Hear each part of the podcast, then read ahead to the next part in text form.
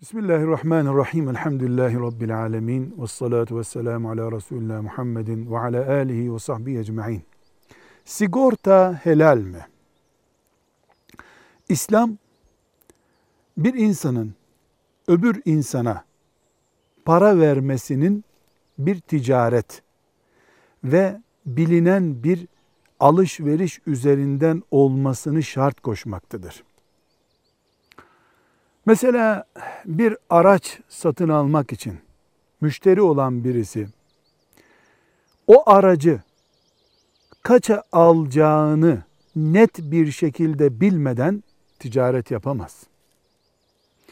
Kaç para veriyor ve üzerine para ödediği şey nitelikleri itibariyle nedir bilmek zorundadır sadece faiz değildir haram olan. Ticaretteki bu tür sorunlarda ticareti haram hale getirmektedir. Sigorta meçhul bir ödemenin adıdır. A şahsı B kurumuna 100 lira veriyor. Karşılığında ileride bir sıkıntı olursa o sıkıntıda C sıkıntısı olsun. C sıkıntısı olursa onu karşılamayı taahhüt ediyor. Burada neyin ne kadar karşılanacağına dair ciddi bir sıkıntı var. Bu İslam fıkhı açısından ticaretin caiz olmamasını gerektiriyor. Ben bu 100 lirayı boşuna da ödemiş olabilirim. Bir yıllığına bin katını alacak bir kar içinde ödemiş olabilirim. Yani herhalde kar etmemle, zarar etmem veyahut da bunu boşuna vermemle çok büyük bir menfaat için vermemin hiçbiri garantili değil. Öbür taraf içinde yani bu işletmeciliği yapan B tarafı içinde durum böyledir. A'dan 100 lira alıp onu 10 bin olarak geri ödeme ihtimali de var. O yüzü hiç ödemeden cebine koyma ihtimali de var.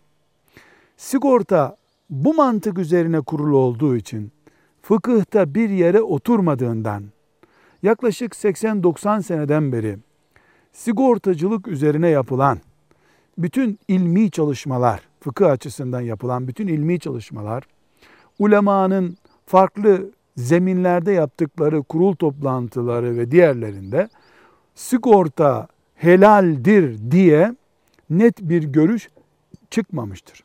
Hiç kimse fıkhın bu temel prensibini aşarak sigorta helaldir diyemez. İslam'da yardımlaşma vardır ama sigorta bir yardımlaşma değildir. Bir ticaret çeşididir. Bunun bir e, dezavantajı daha var. Genelde sigorta şirketleri faiz kurumlarını besleyen altyapıları oluşturmaktadır. Bankalar büyük oranda veya tefeciler, tefeciler gibi faktörink kurumları e, büyük oranda sigorta işlemi yapmaktadırlar.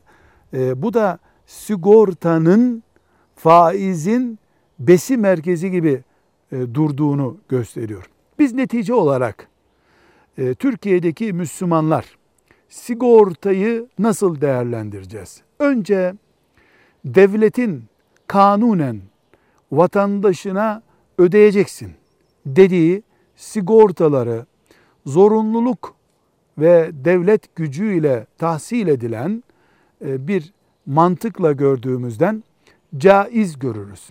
Gerek emekliliğe kadar alınan sigortalar ve gerekse afet gibi belli nedenlerle devletin şu sigortayı yaptırmak zorundasın dediği. Mesela araç alırken araç almak için şu kadar sigorta ödeyeceksin. Yoksa ben seni karayollarına çıkarmam. Veya uçak gemi işletiyorsun şu kuruluşa şu sigortayı ödeyeceksin yoksa uçak işletmeciliği yapamazsın. Veya filan riskli ticareti yapıyorsun filan ülkeden filan riskli malı ithal ediyorsun filan sigortayı yaptır seni gümrükten geçirmem diyorsa bu caizdir. Öbür türlü Müslümanın işini gücünü bırakması veyahut da araç almaması filan ithalatı yapmaması gibi bir sonuç gerekir. Şeriatımız böyle bir zorluğa e, Müslümanları itmiyor. Bunun dışında en e, önemli sigorta sorularından biri kasko türü sorulardır. Yani devletin vatandaşının kullandığı aracı çalınmaya karşı, terör eylemlerine karşı garanti etmediği, e, ne yapayım demeye getirdiği bir yasa uyguladığı dönemlerde Müslümanlar mesela kaliteli bir aracını sigorta yaptırsalar caiz midir diye sorulacak olsa buna vereceğimiz cevap şudur. Sigorta İslam'da caiz değildir. Ama vatandaşın arabasının bir çöp sepeti kadar değerli tutulmadığı ortamlarda Müslüman kaskoya zorunluluk hissedebilir. Aksi takdirde Müslümanın iyi bir makinenin bulunduğu bir fabrikayı koruması mümkün değil. Bir Müslümanın iyi bir arabaya bin hatta normal bir arabaya bile binmesi mümkün değil. Burada zorunluluk var mı? Ya da ne kadar var? Sorusunun cevabı müminin kalbiyle Allah arasında gelip giden bir sinyal üzerinden kurulur. Ama hayat sigortası gibi filan türden keyfi sigortalar için aynı şeyi söyleyemeyiz. Fıkhı bu kadar genişletmenin ve menfaatlerimiz için kullanmanın doğru olmadığını düşünüyoruz. Velhamdülillahi Rabbil Alemin.